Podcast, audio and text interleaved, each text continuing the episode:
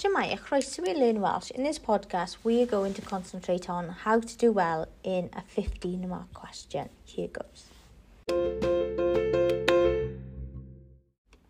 Rhestr wirio 15 mark. So, checklist for a 15 mark question.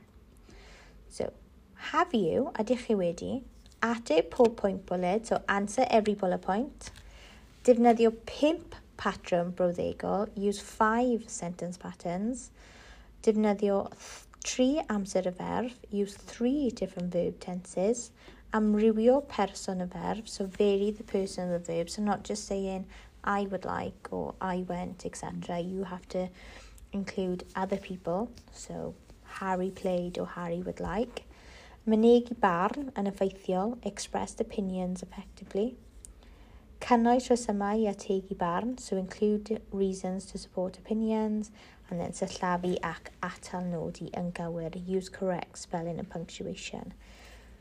So you need to include two more sentence patterns and an extra verb for the 15 mark question, plus talking about other people in a different tense. Here goes.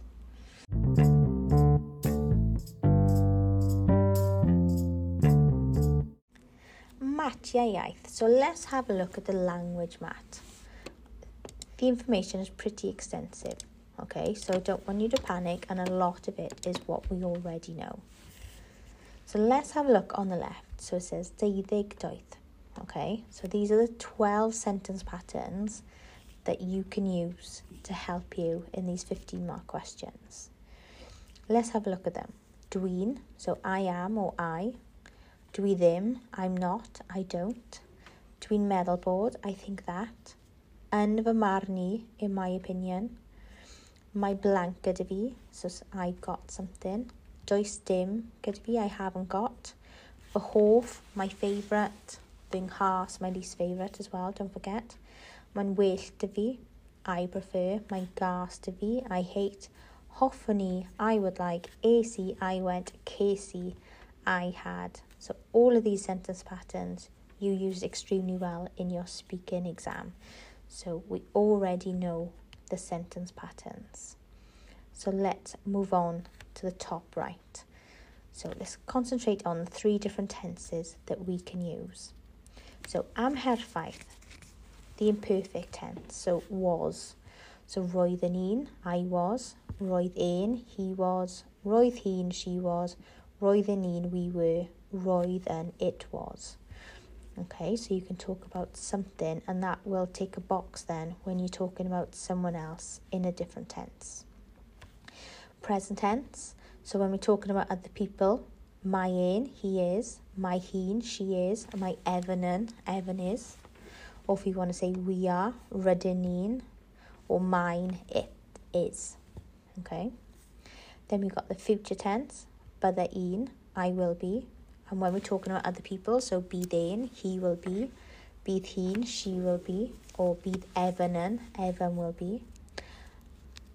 Then we got be then, it will be. Okay, so there's different ones. And don't forget you got your past as well, which is one of our strengths. Chwarae I see I played, or if you want to say he or she played, don't forget the ending is odd, a or he.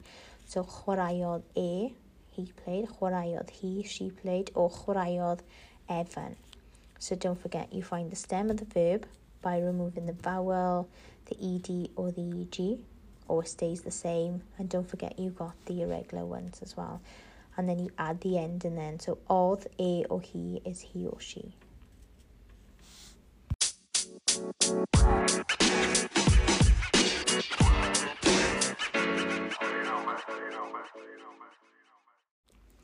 So we've covered all the tenses. We've covered, so you need three different types of tenses for the 15 mark question. We've covered the sentence patterns to include other people when you're talking in different tenses. Let's concentrate now on expressing your opinion and um, supporting your opinion as well. Okay, so you know loads of different sentences to express your opinion, which we've used. Don't forget when you're including reasons to support your opinions, you can either say once you said I like, etc. You can say in my opinion and Vimarni, creative order, I believe that. You can talk about a past um, event that's happened to back up your opinion as well. So that's really good to cement that. And you need five different sentence starters. So between everything, you should easily cover the five different sentence starters. Now let's look at examples of a 15 mark question. So let's have a look at the question. I'm just going to read the English. You are helping with a local children's club. The manager of the club has asked you to write a piece for the local newspaper discussing the work of the club and asking for volunteers. So you must include. So they've got bullet points and they've got marks per bullet point. So let's count up the marks. So we've got three, five, seven, eight. So 8 out of 15 marks is for content. So 8 marks in this question is for content. So that means that 7 marks is for um, the language, etc., that you use. So let's have a look. So you must include details of the club, location, age of the children, one mark, so nice and simple, the activities of the club, the purpose of the club.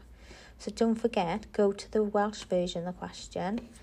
Purpose will be there in Welsh, so purpose y clwb ydy, the purpose of the club is. Don't forget, manteision y club ydy, the advantages of the club. Request for volunteers, okay? How do you say that in Welsh? Go to the bullet point, cais, okay? And that will give you So, rydyn ni'n edrych am, we are looking for, and then um, things that you would look for in a volunteer, and then contact details for the club. Remember, in the Unit 3, where at the bottom when they're asking you to contact or email is always a command. So you'll need to make sure that this is a command. So contact, if you go to the bullet point, cysylltu, so you need to change it into a command. So cysylltwch, or you could say ffoniwch, e-bostiwch. Okay, and then um, they give you your marks. But don't forget to get the next seven. So the bullet points will cover the eight marks. To get the seven marks, you look at your checklist. You need five different sentence patterns, three different verbs, and you need to talk about someone else as well in a different tense. Express your opinion and back up your opinions as well. That's how you get the other seven marks. I then pause the podcast and have a go at answering the question.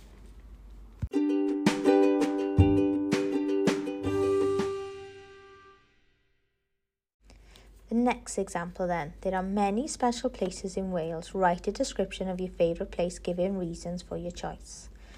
So the bullet points add up to eight again. So that's eight marks, and the seven marks then are your different tenses and everything in the checklist.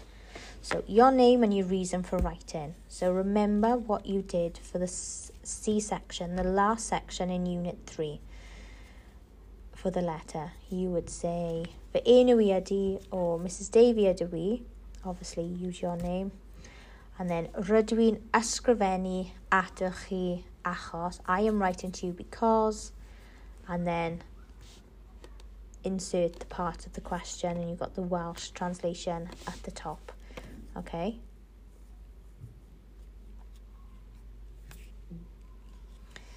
A detailed description of your favourite place. So, nice and easy, my favourite.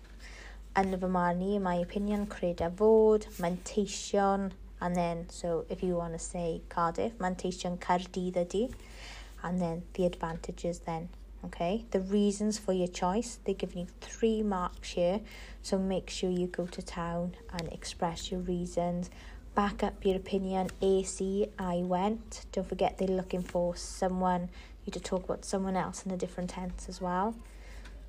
So make sure you say aeth mam and directions on how to get to the place. So this is a tricky one, but remember the exam isn't tiered, so they have to pop in um, more difficult sections in each question, okay? So you could say, uh, mae Cardydd yn ne Cymru. Cardiff is in South Wales, or mae Caerdydd ger is next to Casnewydd, or ar y ffordd on the way to. But don't panic If you can't remember that, you could just say my Caerdydd yng Nghymru, Cardiff is in Wales, and hopefully they'll give you the mark for that. Pob.